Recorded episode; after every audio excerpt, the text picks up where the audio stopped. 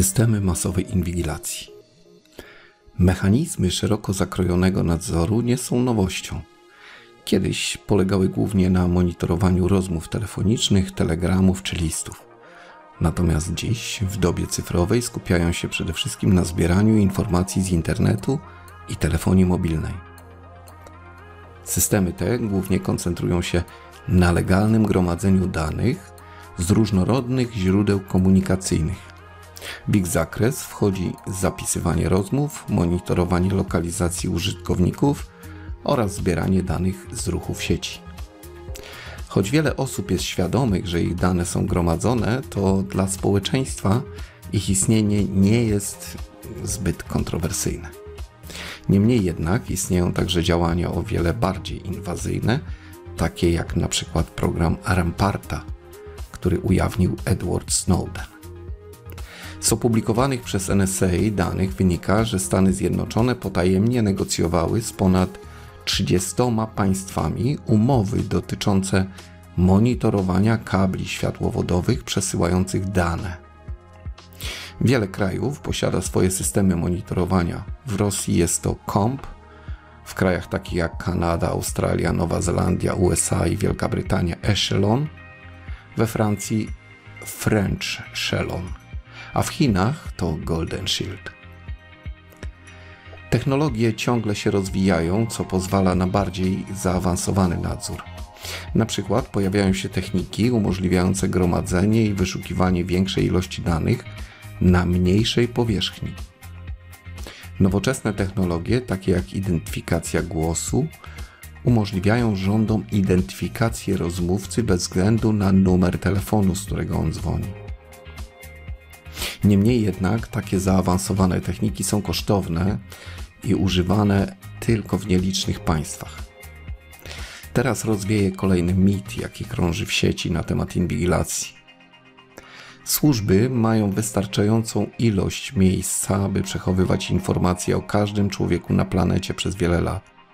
Tym bardziej, jeśli weźmiemy pod uwagę fakt, że wystarczające jest przechowywanie dziś jedynie metadanych, a nie kompletnych informacji.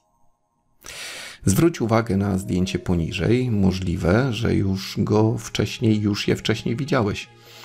To budynek centrum danych NSA w stanie Utah, gdzie prawdopodobnie przechowywane są również Twoje wiadomości, czaty, maile i rozmowy z ostatnich lat. Na pewno natknęliście się na zalecenie dotyczące ochrony przed szeroko zakrojonym nadzorem w sieci. Różne organizacje i aktywiści promują takie porady online. Wielu sugeruje, że odpowiednie szyfrowanie komunikacji, a w szczególności korzystanie z VPN, może stanowić skuteczną tarczę. Czy mają rację?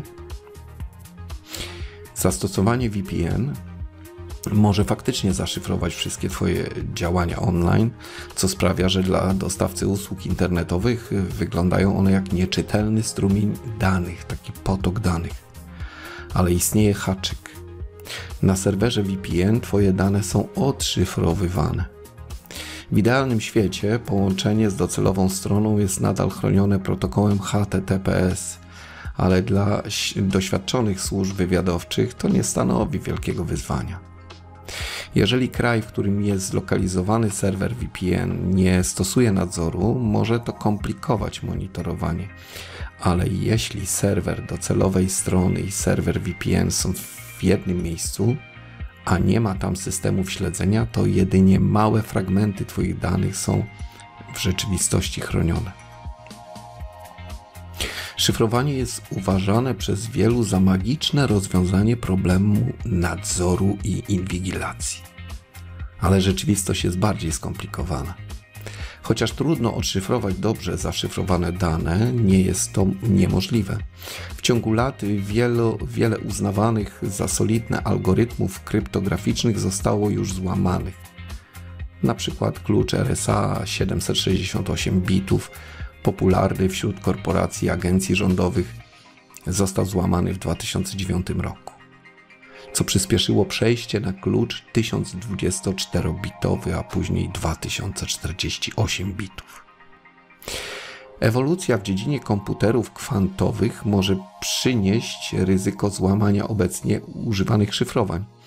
Dlatego ważne jest, aby rozumieć, że szyfrowanie to chwilowa ochrona, a nie stałe rozwiązanie. Wielokrotnie organy ścigania zabierały zaszyfrowane urządzenia, ale nie potrafiły ich złamać. Historia Daniela Dantasa, bankiera z Brazylii, jest tego dobitnym przykładem. Jego dyski twarde były badane przez ponad rok przez brazylijskie i amerykańskie agencje rządowe, ale pozostawały niezdobyte. Kto wie, kiedy będą one dostępne dla nich. Nie łudź się, że Twoje zaszyfrowane dane nigdy nie zostaną pokonane. Być może już za kilka lat stosowane obecnie szyfrowanie przestanie być bezpieczne.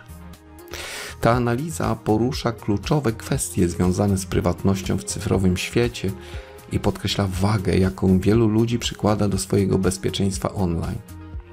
Masowa inwigilacja i możliwość kompromitacji algorytmów kryptograficznych są realnymi zagrożeniami, z którymi musimy się zmierzyć już dziś, bo jutro będzie za późno. Świadomość odgrywa tu istotną rolę i nie ma znaczenia, czy ty na przykład nie masz nic do ukrycia, bo jutro może nie pozostać ci nic, co mógłbyś mieć w ogóle do ochrony. Jeśli chodzi o kwestie służb specjalnych informujących społeczeństwo o odkryciu luki w popularnym algorytmie kryptograficznym, wydaje się to mało prawdopodobne. Dlaczego? Działałoby to na ich niekorzyść. Często te służby wykorzystują te luki do swoich celów, a nie informują o nich społeczeństwa. Jak zauważyłeś, przypadki takie jak y, RSA i Dual EC DRRPG pokazują, że nawet duże i renomowane firmy mogą być kompromitowane lub świadomie wprowadzać luki do swoich produktów pod presją lub w zamian za korzyści.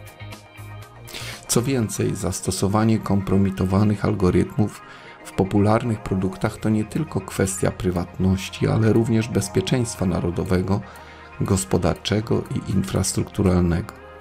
Jeśli potężne firmy takie jak Oracle, Sony czy Nintendo mogą być narażone na ataki za pomocą osłabionych algorytmów, co tu mówić o reszcie świata?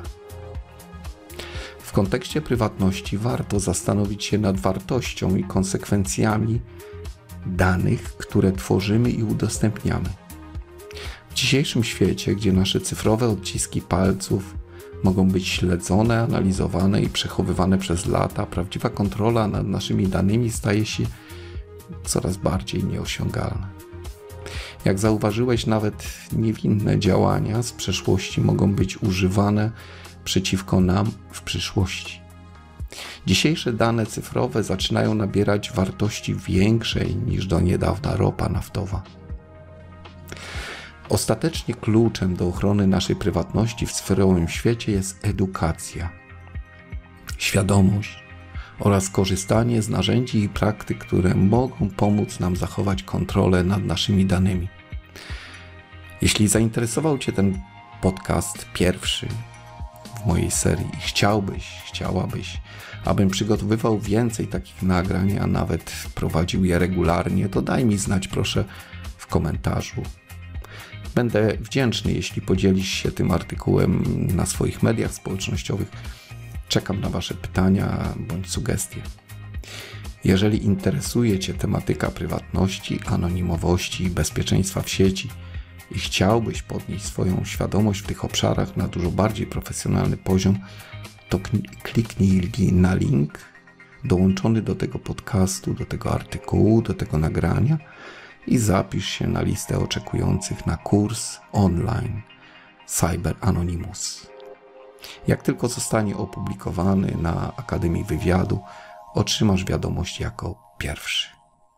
Pozdrawiam i do usłyszenia.